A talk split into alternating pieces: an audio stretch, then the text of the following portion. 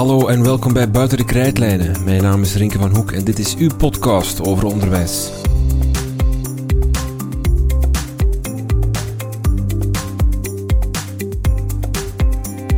Vandaag krijgt u de derde aflevering in onze TeacherTap-reeks. TeacherTap is een gratis app die elke dag de kans geeft om drie meer keuzevragen te beantwoorden die aansluiten bij de dagdagelijkse praktijk of de actualiteit van het onderwijs. 20% van alle kinderen groeit op in armoede. Dat wil zeggen dat hun ouders of voogd minder verdienen dan de armoededrempel die op 60% van de mediaan van het Belgische inkomen ligt. Dat is 1 op de 5. Die kinderen zitten ook op school en dat maakt dat armoede in de klas een zeer impactvol thema is. Voorbije weken werden hierover een aantal vragen gesteld aan de gebruikers van TeacherTap. Zo werd er gevraagd naar wat het schoolbeleid is en wat de leerkrachten zelf doen in de klas rond armoede. In deze podcast duiken we in de resultaten op deze vragen en leggen we die voor aan pedagoog en onderwijsexpert Pedro de Bruikere. Hij dook in de resultaten en geeft ons zijn analyse van jullie antwoorden. Denk jij nu, ik wil ook meedoen met die TeacherTap applicatie en elke dag die bevraging invullen? Wel, dat kan, zonder enig probleem.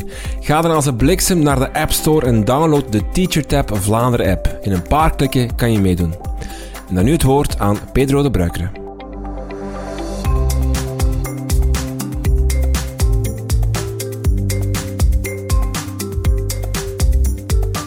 Dag Pedro. Uh, TeacherTap deed een aantal be bevragingen rond armoede bij zijn respondenten. Eentje daarvan was: welke signalen van armoede uh, ziet je in je eigen klas? 1905 respondenten gaven antwoord.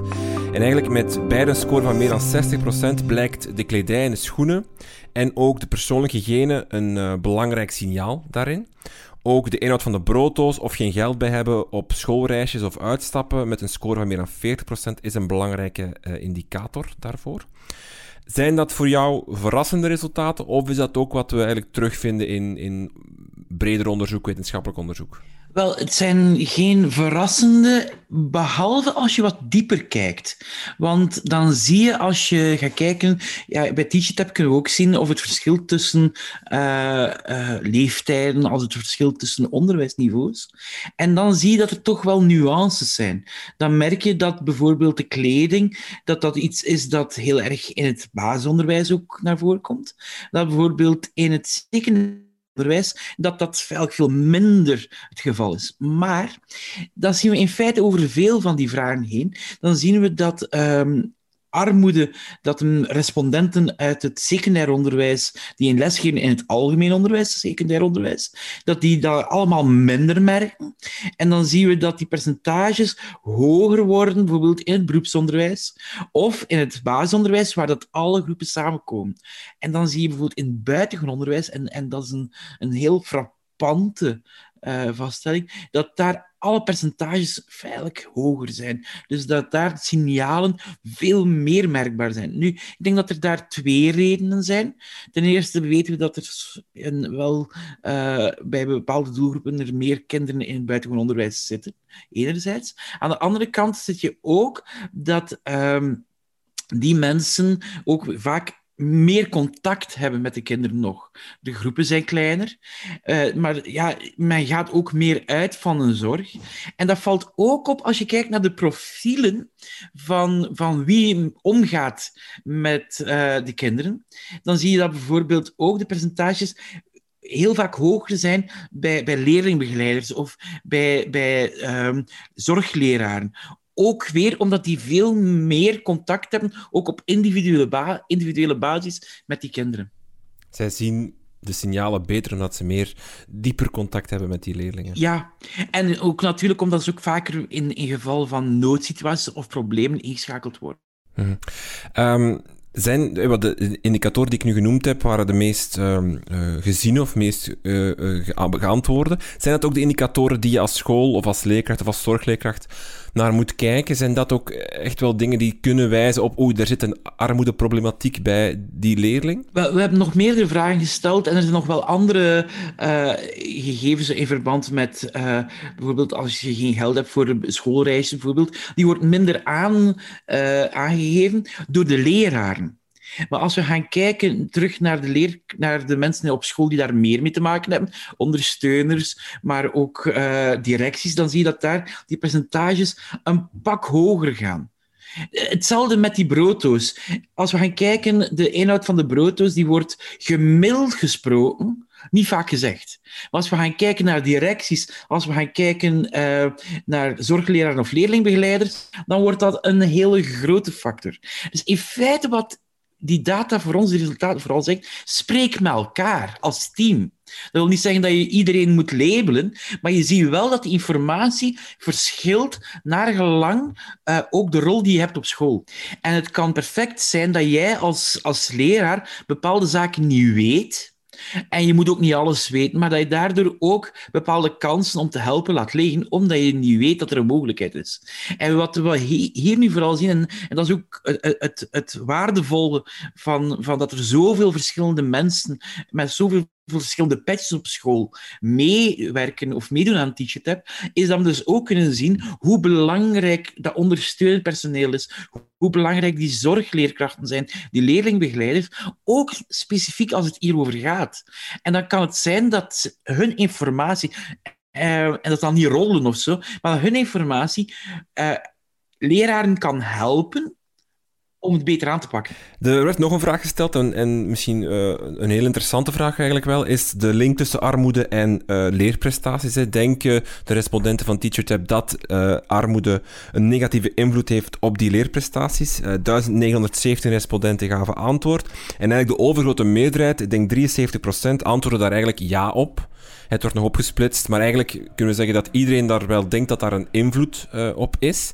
Um, wat zegt de wetenschap daarover? Is het zo dat armoede een impact heeft op leerprestaties? Uh, ja, op verschillende manieren. Um, er zijn een paar zaken. Je kan kijken naar uh, onderzoek zoals dat van de OESO-PISA. Uh, en dan zien we daar dat daar ook een heel sterke correlatie is. Uh, maar we zien ook dat er mogelijke verklaringen zijn. Bijvoorbeeld als je kijkt naar onderzoek van Mulnaiten en Shafir uh, van een paar jaar geleden over schaarste. Als jij je zorgen maakt, uh, onder andere bijvoorbeeld zorgen maken over financiële status die je hebt, over Um, dan gaat dit een negatief effect hebben op in feite mentale bandbreedte. En hoe minder je mentale brand, bandbreedte je kan gebruiken voor leren, hoe moeilijker het is om het ook dan effectief te doen. En, en dat is dan al als je je persoonlijk zorgen maakt, maar wat zien we ook, en daar bestaat al heel veel onderzoek naar, dan uh, Kijk, een gezin die in moeilijke omstandigheden leeft, daar kan al behoorlijk stress aanwezig zijn. En we weten dat een langdurige, uh, aanhoudende stress, een toxische stress, dat die ten eerste door de kinderen kan overgenomen worden, maar dat dat zelfs ook wel een invloed kan hebben, niet enkel op, de, op het leren, maar op de ontwikkeling aan zich. We zien bijvoorbeeld bij hele jonge kinderen, want het zou je misschien verbazen, maar ook in het kleuteronderwijs, dan zien ze daar duidelijk effecten al. Hè?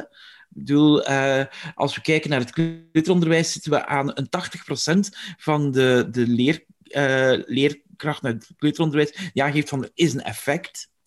En dan zie je dat daar zeker ook een, een, een effect is van bijvoorbeeld stress. Maar er zijn er, nog. Um, als we gaan kijken, een van de, de beroemdste onderzoeken op dat vlak, uh, het heeft wel één keer een negatieve replicatie en dan een positieve replicatie gekregen. Uh, ja, sorry. Ja, nuanceren. Het ja, ja, ja, ja. um, maar dat gaat over hoeveel woorden, hoeveel woorden je hoort uh, als je in een lagere sociale achtergrond opgroeit versus een hoge sociaal-economische achtergrond. En dan zien we dat die eerste vier levensjaren, dat die, die verschillen al enorm kunnen zijn. Dat gaat over miljoenen woorden die je minder hoort, waardoor je ook uh, minder woordenschat hebt, minder gaat oefenen. Maar die woordenschat, dat is al dan direct, die mindere woordenschat, is direct ook een achterstand die je krijgt als je aan school begint, waar je ook veel van die woordenschat nodig hebt. Maar er zijn dus heel veel elementen die samenkomen, maar tegelijkertijd ontslaat dat de school niet om er proberen echt iets aan te doen. Daar wil ik direct toe komen wat de school moet doen. Um, ik las ergens, eh, of dat wordt vaak gezegd, of, of ik weet niet of, hoe, wetenschappelijk het is, maar dat mensen die armoede ervaren of in armoede zitten, dat die 13 IQ-punten minder uh, halen. Om, en daardoor soms ook um, rare beslissingen nemen of foute keuzes maken. En dat, dat, ze zeggen soms wel, armoede maakt dommer. Wel, dat is, dat, dat is effectief dat onderzoek van Mullenlight en Shafir. En dat gaat erover dat als je je zorgen maakt, dat die uh, 13 punten, je IQ met 13 punten daalt. Maar dat wil niet zeggen dat je dommer bent. En men spreekt echt over een soort van tunnelvisie die ontstaat door het je zorgen maken, door die verminderde mentaal, die beperkte mentale bandbreedte. Maar heel belangrijk ook, in datzelfde onderzoek bleek, dat die IQ-punten ook terugkomen als je die zorgen niet maakt. Want um, ja, het is, je kan heel veel sociologen niet onterecht uh, kregelig en, en geïrriteerd uh, krijgen als je de, de woorden armoede en dom in één zin gebruikt. En het was heel um, uh, gedurfd van Mulnad Shafir, die een econoom en een psycholoog is, om dat toch te doen. Maar ze hebben het op een hele andere manier gedaan. Zij zeggen dus niet mensen in armoede zijn dommer. Dat zeggen ze helemaal niet. Maar het u zorgen maken daarover, die, dat kan ervoor zorgen dat je wel een tunnelvisie krijgt door die mentale bandbreedte die uh, vermindert, omdat je ruimte van die bandbreedte uh, zorgen laat, waardoor dat je een tunnelvisie krijgt en ja, een schaarste effect kan krijgen. Dat weten. We weten dat eigenlijk leerlingen met, die in armoede leven of met een armoedeproblematiek zitten, dat die eigenlijk uh, minder bandbreedte hebben, dus um, minder mentale ruimte hebben, minder kunnen leren. Um, wat doe je daar dan als school aan? Hoe ga je daarmee om? Uh, want jij kan die armoedeproblematiek niet wegnemen als school. Nee, ik herinner mij een, een, onderzoek waaruit blijkt dat bijvoorbeeld een maatregel, die vooral duidelijkheid een school niet kan nemen, uh, dat uh, een maatregel uh, die een enorm effect had, had op het leren van de kinderen, was het verlagen van de sociale huurprijs. Omdat dan minder zorg... Nee, dat is een Britse studie. Maar geeft u, het is ja. origineel, maar als school kun je daar weinig mee. Um, maar bijvoorbeeld, uh, een van de dingen die Mulnat en Shafir ook, uh, of onderzoekers die daar rondgingen, uh, beschrijven, is... Um, ervoor zorgen dat de mentale bandbreedte van zowel de kinderen als de ouders niet nog door dingen die niet nodig zijn opgesoupeerd worden. Wat betekent dat? Dat uh, je van hen geen planlast verwacht. Dat jij er dus voor zorgt dat je ze niet heel veel paparast moet invullen, uh, of dat je ze heel veel moet bezig zijn met uh, administratie. Omdat dat dan weer maar ook een stressfactor is, weer maar iets is waar dat je dan aandacht moet aan geven. Um, ze hebben dat onder andere bekeken bij ja, dropouts. Dus jongeren die uit school wegvallen en die dan terug proberen. En dat bleek echt wel een factor te zijn die meespeelde. Nu, aan de andere kant, als we gaan kijken uh, naar wat we ook bevraagd hebben, hebben we verschillende andere zaken gehad die, die um, meer van pedagogisch-didactische aard zijn. Um, uh, wat bedoel ik daarmee? Ja, er zijn ook zaken waar dat jij kan als leerkracht dingen kan doen. Um, bijvoorbeeld het huiswerk. Ja? Er, zijn, uh, al, er al pleidooien geweest in Brussel bijvoorbeeld om huiswerk af te schaffen, omdat dat uh, de ongelijkheid zou vergroten. Nu, dat is een hele moeilijke. Ten eerste zeg je dan, ah, huiswerk werkt, want anders zou het ook de ongelijkheid niet vergroten. Aan de andere kant uh, is het eerlijk om huiswerk, als dat blijkbaar toch een zeker effect heeft, af te schaffen, want dan ga je gelijke kansen gaan nastreven door kansen weg te nemen bij andere kinderen. Nu, een heel eenvoudige maatregel, en, en dat hebben we ook gepeild. En één op vijf eh, van onze respondenten geeft aan dat dat doen. Um, huiswerk ja, dat kan je ook op school laten doen. Of um, huiswerkondersteuning gaan aanbieden op school.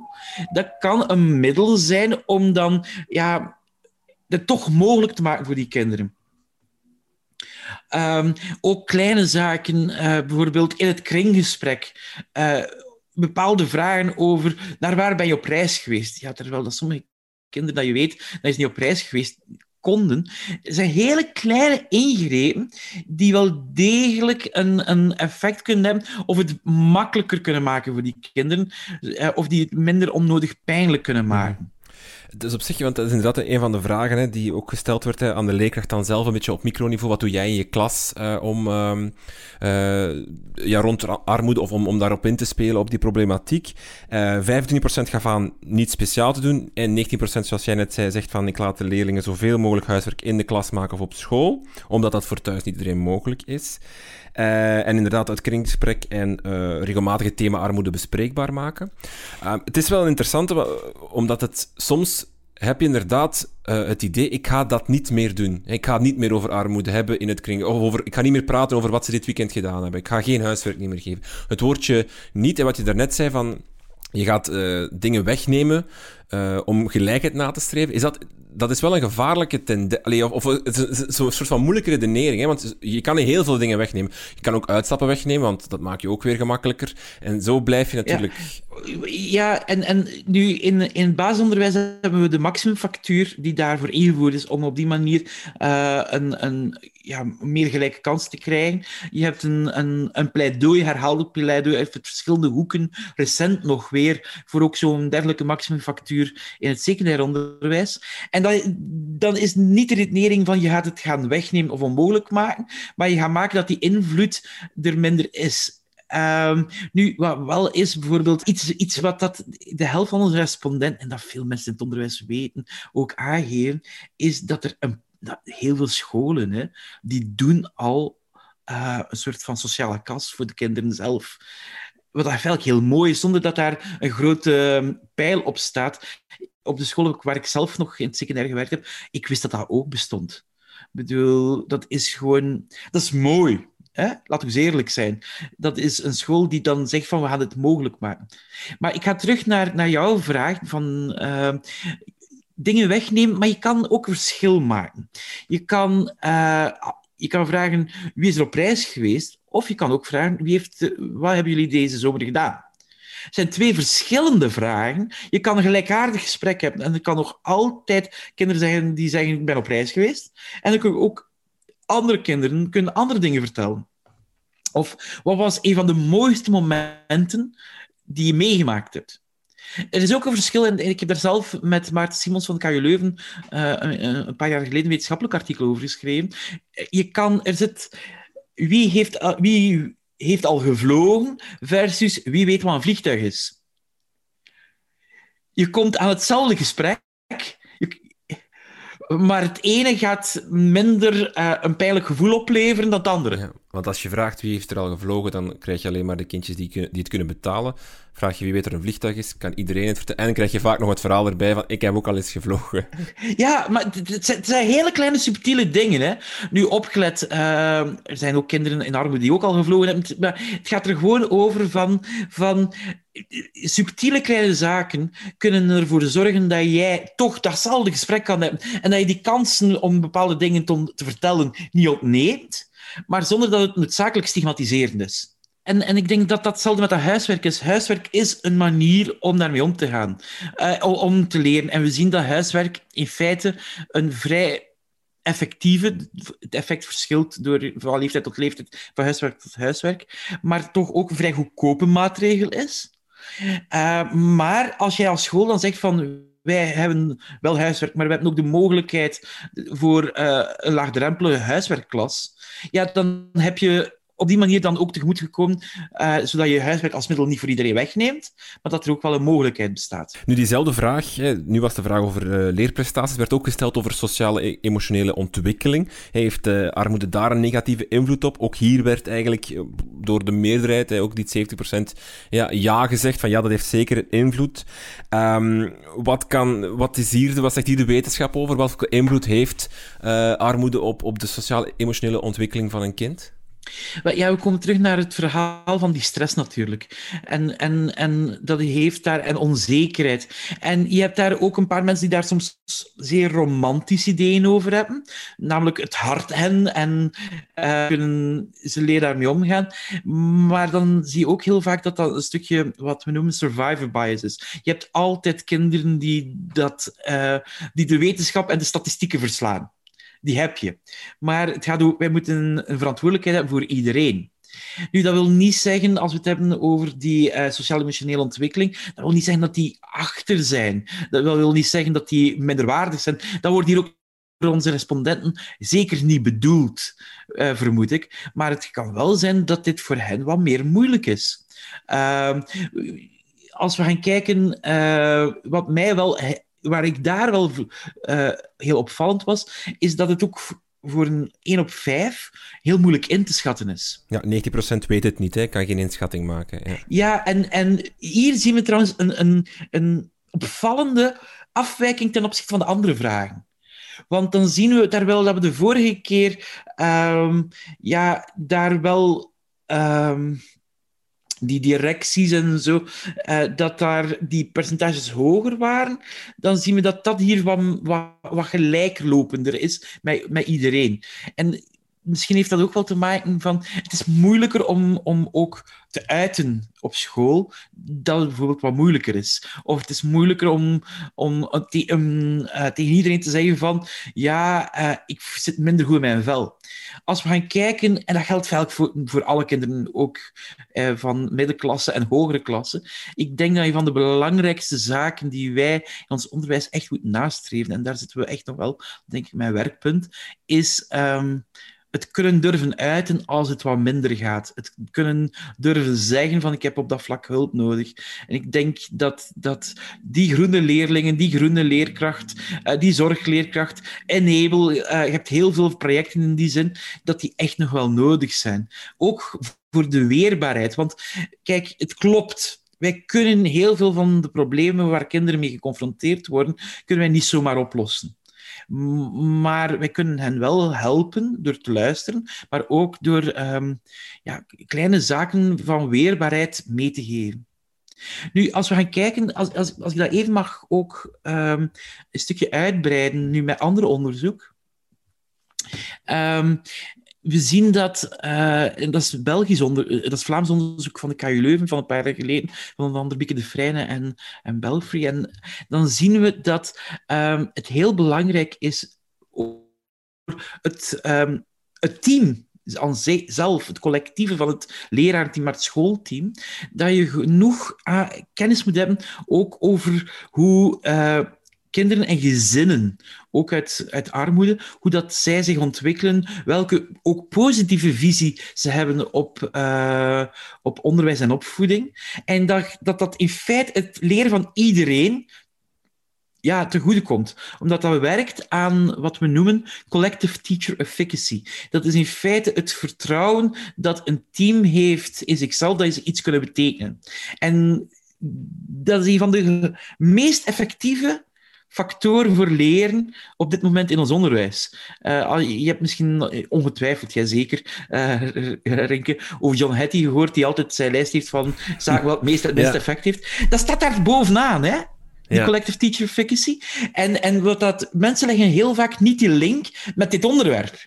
Maar door het onderzoek dat ik net vermeld heb van de KU Leuven, er is een expliciete link daarmee. En dat komt dus, dus hoe, als je daar aandacht voor hebt, als je daar kennis over opbouwt, komt dat alle kinderen te goede. Een, een fout idee kan bijvoorbeeld zijn dat uh, jij als leerkracht denkt dat uh, bepaalde ouders die armer zijn, dat die onderwijs minder belangrijk vinden. Als we nu gaan kijken naar uh, een onderzoek die Thijs Bol van de Universiteit van Amsterdam vorig jaar gedaan heeft, tijdens de coronacrisis. Hij heeft gekeken naar uh, hoe belangrijk vinden ouders onderwijs in deze situatie.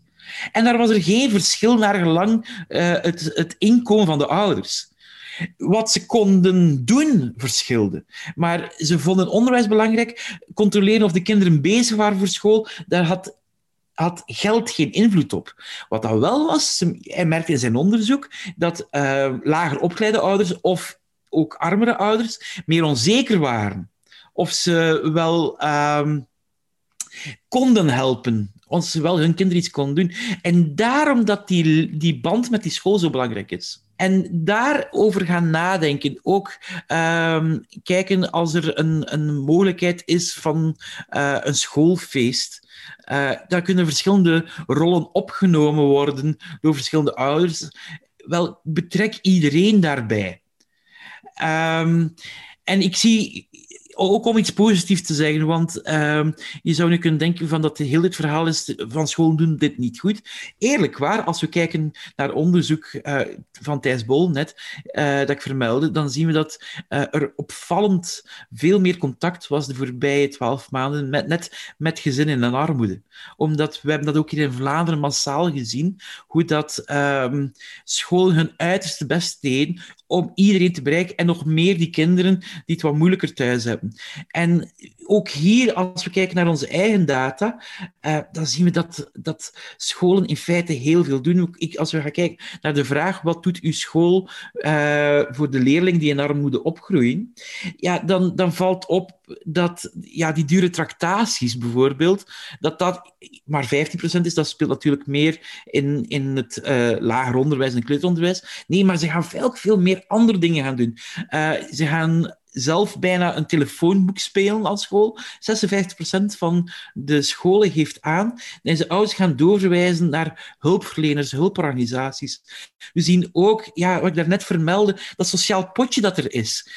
Um, scholen maken daar geen reclame over. En, en soms denk ik dat veel hoogopgeleide ouders niet beseffen welke sociale rol scholen opneemt. Welk mooi werk dat daar gebeurt. En dus um, uh, voor alle luisteraars die denken dat ik hier uh, tot nu toe heel tijd met een vermanend vingertje zat over van scholen doe dit en scholen doe dat, wil ik vooral ook zijn, en, en dat is het leuke bij TeachTap, dat we dat ook kunnen blootlijnen.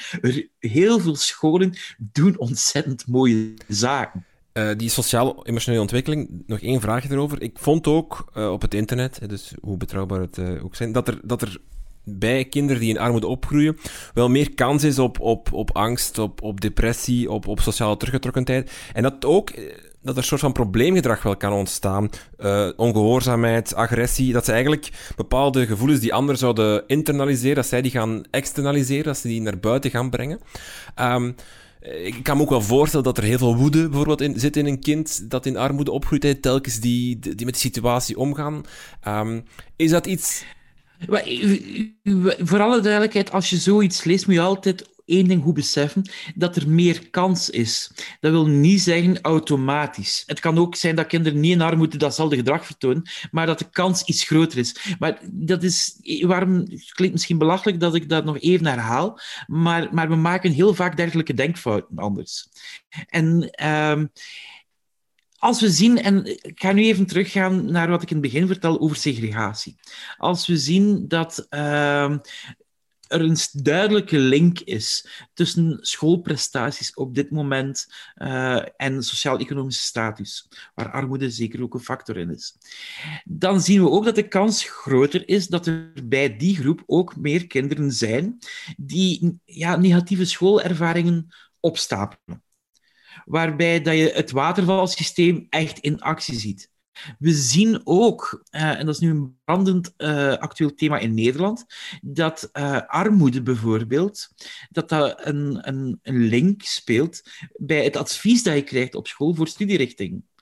Um, waarom verwijs ik hier even naar Nederland? Waarom dat, is dat daar een brandend actueel thema? Door corona bijvoorbeeld kun je zijn de centrale examens moeilijker te organiseren. En wat zien we nu, nu dat de centrale examens in Nederland een mindere rol gespeeld hebben, dat dus eh, terug het effect van het advies van de leerkracht, goed bedoeld, maar dat daar die, die kinderen in armoede vaker met dezelfde prestaties als uh, andere kinderen een negatiever advies krijgen. Maar al die zaken, kinderen zijn niet dom, hè? die gaan dus ook zulke dingen merken. Die gaan ook merken van bijvoorbeeld, ik kan hier nu niet mee, uh, inhoudelijk, maar ik kan daar zelf niet aan doen. Maar als je al die zaken optelt, ja, dan kunnen er wel problemen ontstaan. Is dat belangrijk om dat ook, hè, wat je daarnet zei, van nee, je moet als school of als leraarteam kennis hebben, dat je dat, je dat ook meeneemt, dat bepaald gedrag uh, niet ligt aan de persoonlijkheid van een kind, hè, maar dat, dat dat gevoed kan zijn vanuit de problematische situatie of de moeilijke situatie waarin dat kind uh, opgroeit? Ik, ik, denk dat de belangrijkste vraag altijd is, als een, bij elk gedrag dat een leerling stelt, niet automatisch denken van dat is de reden. Ik denk dat het heel belangrijk is om altijd de reflex te hebben van wat is hier aan de hand? En ik heb het nu niet over uh, als er keer één keer in de klas iets gebeurt, dat je dan zegt van oké, uh, doe normaal, bla bla bla. Ik heb het als er nu een, een situatie ontstaat waarbij dat een van de leerlingen of een paar leerlingen gedrag stelt dat je niet kan aanvaarden als school of waar dat je moeite mee hebt. Dan denk ik dat dat het, het moment is om als team te kijken van wat is hier aan de hand. En niet automatisch zeggen van het is dat, of het is dat, of het is dat. Het, het kan ook zijn dat het helemaal niet met armoede te maken heeft. Het kan ook zijn dat er een liefdesverhaal is, bijvoorbeeld. ja. Je wil niet weten wat liefdesverdriet doet. Hè? Nee, of, of stoerdoenerij, of, of het kan zelfs zijn dat het kind te weinig uitgedaagd wordt. Er zijn heel veel mogelijke verklaringen. Maar ik geef zelf nu bijna twintig jaar, uh, geef ik zelf uh, ontwikkelingspsychologie en, en sociologie stuk ook uh, in de lerarenopleiding. En een van de belangrijkste redenen, ik, ik geef dit ook al zo lang mee, is om, waarom we dat vak geven, is ga er niet direct vanuit, ah, dit is hier aan de hand. En ik denk dat die vraag stellen van, oké, waar komt dit gedrag vandaan? Dat dat de reflex is dat je als team, en ik zeg heel bewust als team moet hebben. Want dan ga je bijvoorbeeld ook kunnen zien van, wacht eens even, misschien ligt het hier uh, wel aan een, een, situatie thuis en dan kunnen we een, een, rol spelen. Nu, opgelet, ik, het eigen ervaring, en ik, ik huiver een beetje om anekdotes te gebruiken, maar um, ik weet ook wel dat soms armoede ontzettend kan verborgen zijn. Ik heb dat bij mijn eigen studenten ontdekt op een bepaald ogenblik. Eh, ik had uh, een jaar les gegeven aan uh, een bepaalde student. Om dan te ontdekken dat er een enorm armoedeprobleem bij die student was. Het was trouwens op dat moment een van de best presterende studenten.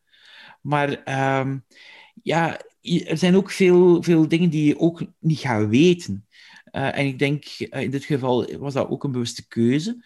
Uh, en, ja, maar ik, ik denk dat als team daar naar kijken van als er bepaald negatief gedrag is, van waar komt vandaan dat dat goede reflex is. De vraag is nu natuurlijk, um, wat moeten scholen daaraan doen? In welke rol kunnen scholen daarin spelen? U heeft al een aantal dingen aangekaart. Er werden ook daar ook een aantal vragen gesteld. De scholen hebben heel vaak uh, verwijzen ze eh, leerlingen of ouders door. Uh, ze hebben een, een, een potje, een, een, soort van sociale kas om te gebruiken. ook leerkrachten doen heel veel dingen. Die heeft u ook al, al aangehaald. De vraag die ik me stel is... is um, hoe ver kan het... Waar moet... Ja, hoe ver kan het gaan? Waar moet je het vastgrijpen en waar moet je het ook weer terug loslaten? Want ik... ik um, ik, ik, je ziet soms wel eens een zorgleerkracht echt uh, met, heel veel, met, zelf, met, met al die zorgen van die, leer, van die leerling op, op, op, op haar of zijn rug rondlopen. Waar je denkt van, ik hoop echt dat die het thuis kan loslaten. Die directies of ook hetzelfde. Alleen leerkracht, iedereen eigenlijk van...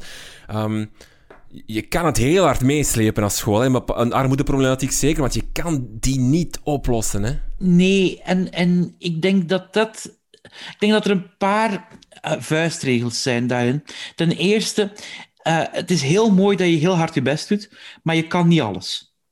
Ik bedoel, de school is, is een hoeksteen, maar niet de hoeksteen van de samenleving. Ja.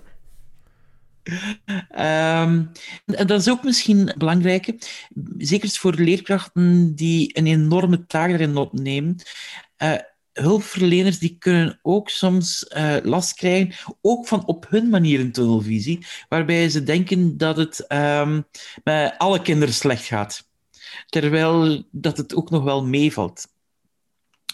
Um, maar ik denk dat wat ook blijkt uit onze data hier, van de respondenten, um, dat je ook gewoon moet beseffen dat je een onderdeel bent van een netwerk.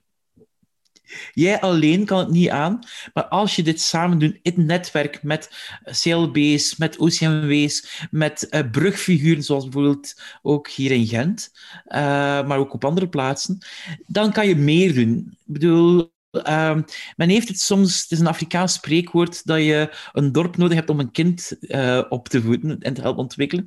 En dat is in dit geval meer dan ooit. Maar dan wil ik wel voor één belangrijke valkuil blijven waarschuwen. En terug verwijzen naar dat onderzoek dat ik daarnet zei uh, van Bieke de Vrijne en, en collega's. Je moet dan ook je kwetsbaar durven opstellen. ook durven toegeven aan ouders en aan die kinderen dat je soms ook niet weet. En ook aarde zien in wat zij doen. Want daar gaat het soms fout. Ik bedoel, um, dan gaan wij kijken met onze bril en denken van, alles wat jij doet is fout. En we gaan natuurlijk een komen vertellen hoe dat moet. Dus ik denk, daar, daar zijn er sowieso ook nog kansen. Uh, maar vooral, uh, kijk wat je kan doen. Sowieso, de meeste mensen in het onderwijs gaan dan toch nog iets meer proberen te doen, wat hen siert. Maar als jij uitvalt, dan heeft er niemand meer baat bij. Dat netwerk is wel interessant. Is, het, is, is dat een van de dingen die want dat is ook iets wat, wat uh, er werd ook aan scholen gevraagd, van, allez, over, scholen gevraagd, van wat, wat kunnen scholen doen. Uh, doorverwijzen was een van de dingen in dat potje, maar ook speciaal, de school besteedt in haar schoolbeleid speciale aandacht aan de wijze waarop de school omgaat met leerlingen die in armoede leven. En die speciale wijze, ehm, dat, dat klinkt eh, mysterieus, maar zou bijvoorbeeld dat netwerk, is dat iets dat kan zijn? Namelijk, sorry dat je als school een sterk netwerk uitbouwt, zodat je goede partners hebt binnen bepaalde organisaties rond armoede die er werken, zodat je een, een, een hulpverlening, hulpverleners hebt die je direct kan bellen, die, die, die, zodat die doorverwijzing ook uh, effectief, efficiënt en, en vooral uh, ja, meerwaarde heeft? Ja, dat is, maar het gaat ook over professionalisering van dat je maakt dat die kennis ook bij jouw team aanwezig is. Dat je, uh, als het gaat over pedagogische visie, bijvoorbeeld huiswerkbeleid, dat je dan kijkt van hoe kunnen we daar uh, stappen uh, in zetten. Veel wat ik u verteld heb, komt daarin samen. Ehm, om, om ervoor te zorgen dat het geen toevalstreffer is. Om er ook voor te zorgen dat het iets collectiefs is. En niet toevallig één ding van, van de zorgleerkracht of van die ene welwillende leerkracht. Het gaat daarover, van het is iets ingebed. En, en ik ben, al, ik ben er altijd huiverig over. Dat is een afwijking bij mij. Want uh, dan zit je al dicht. Het is een deel van de visie. Ja, en, en wie leest er allemaal een visie? We hebben er ook ooit een keer een vraag over gesteld. Dat viel tik tegen. nee, als je goed geluisterd hebt naar zowel de, de voorbeelden die jij gaf, maar ik gaf, dat gaat over praktische zaken. Hè? Dat gaat over dingen die je effectief doet. Niet over, ja, wij hebben daar een hele positieve houding over. Nee, nee, geef dat voeten. Wat betekent dat? Is het um, um, ook iets waar de school zelf... Hè, want um, dure schoolboeken is iets wat, wat heel vaak terugkomt. uitstappen zijn, zijn dingen die, die, die vaak ook geld kosten, waar ook keuzes in gemaakt worden. Uh, we hadden het al juist over dingen niet doen of wel doen. Hè, je kan daar rekening mee houden. in hoeverre moet je als school dat argument meenemen tegenover het pedagogische. Stel, je hebt een heel goed werkboek, kost 50 euro. En je hebt een minder goed werkboek, pedagogisch, kost 30 euro. Ik verzin hier nu getallen. Hè. Um, waar, hoe, hoe, ga, hoe zou jij dat benaderen? Hoe zou je scholen adviseren om daar dan mee om te gaan? In de zin van, ja, als je weet dat het ene zal beter zijn, maar het zal ook wel een, een diepere krater slaan in de portemonnee. Ja, dat zijn hele moeilijke afwegingen. En dan moet je gaan kijken van wat vind jij het belangrijkste of hoe kan je het gaan compenseren. Um, we hebben de mogelijkheid van het, uh, van het schoolpotje, maar natuurlijk, dat is ook niet onuitputtelijk. En um, ik, ik, ik zou zelf al heel blij zijn moesten scholen uh, al die reflex al massaal hebben. Moest die discussie al gevoerd worden. En dan niet over dat ene schoolboek, maar over het geheel. Want um, als elke leerkracht denkt van, maar deze methode is beter, uh, als we over het secundair onderwijs, dan kan de teller opeens wel heel hoog worden. En dan zijn dat de subtiele manieren waarop dat de ene school veel meer geconfronteerd wordt met armoede dan de andere. Laatste bevraging of laatste vraag die gesteld werd was: Vindt u dat uw school voldoende doet voor leerlingen die in armoede opgroeien? 43% van de 1697 respondenten antwoordden ja. Uh, dus het grootste uh, percentage. 34% antwoordden nee, het zou wel meer mogen zijn. En een klein percentage, 5%, zegt van nee, het moet veel meer zijn. Um, kan ik hieruit concluderen dat de scholen in Vlaanderen wel degelijk aandacht hebben voor armoedeproblematiek en dat dat niet een verdoken of verdwenen uh, element is op de agenda? Ik denk wat dat uh, hier ook uit blijkt, ook uit, die uit de antwoorden, is wat we in veel andere onderzoeken tegenkomen, dat scholen enorm verschillen. Dat, uh, nu, we weten dat scholen enorm verschillen ook um, in doelpubliek die ze aantrekken. We hebben scholen die, in, die minder met armoede geconfronteerd worden. We hebben scholen die meer met armoede geconfronteerd worden. En in beide gevallen kunnen ze ja-antwoorden hebben. Maar wat we hier wel zien, is dat er in wel behoorlijk wat verschillen zitten. Um, wat wel opvallend was bij die vraag, dat de directies het meest volmondig ja zeiden. en dat dat bij leerkrachten eh, toch wel eh, minder was. En, en ook zeker bij, bij zorgleraren of leerlingbegeleiders, die waren het minst volmondig ja. Vrij vertaald, zij kennen het meest vanuit, vanuit de praktijk. Want als we kijken naar de vorige vragen, zij waren diegenen die het meest mee geconfronteerd werden. Toont dat ook een beetje aan wat u, wat u daarnet zei van scholen moeten verder gaan dan het, dan het in de visie zetten, dan, dan er een visietekst rond hebben, wat dan bij de directeur zal vertrekken, maar, maar, maar moeten zien dat ze echt iets concreet hebben, dat de zorgleerkracht dan kan uitvoeren of gebruiken of, of, of mee, spelen? Ja, ik denk dat het... Ik, ik denk, waar ik mee in, het begin mee begonnen ben, is praat met elkaar. Dat is in feite de belangrijkste les die ik haal uit al die data. Want dat, ik vind dat heel opvallend. Hè? Uh, als de helft zegt van de, van de directies, ja, we zijn goed bezig. En, maar maar uh, dat is maar 35% van de, de, mensen die effectief daar het meest mee in de aanraking komen, dan zien we al dat er daar toch wel een discrepantie is. Oké, ja, scholen uh, uh, zijn goed bezig, maar uh, ze moeten blijven praten met elkaar. Dat neem ik mee uit dit gesprek. Veel scholen zijn al goed bezig, maar zoals elke leraar weet, alles kan beter. Pedro de Bruiker, dankjewel voor dit gesprek. Graag gedaan.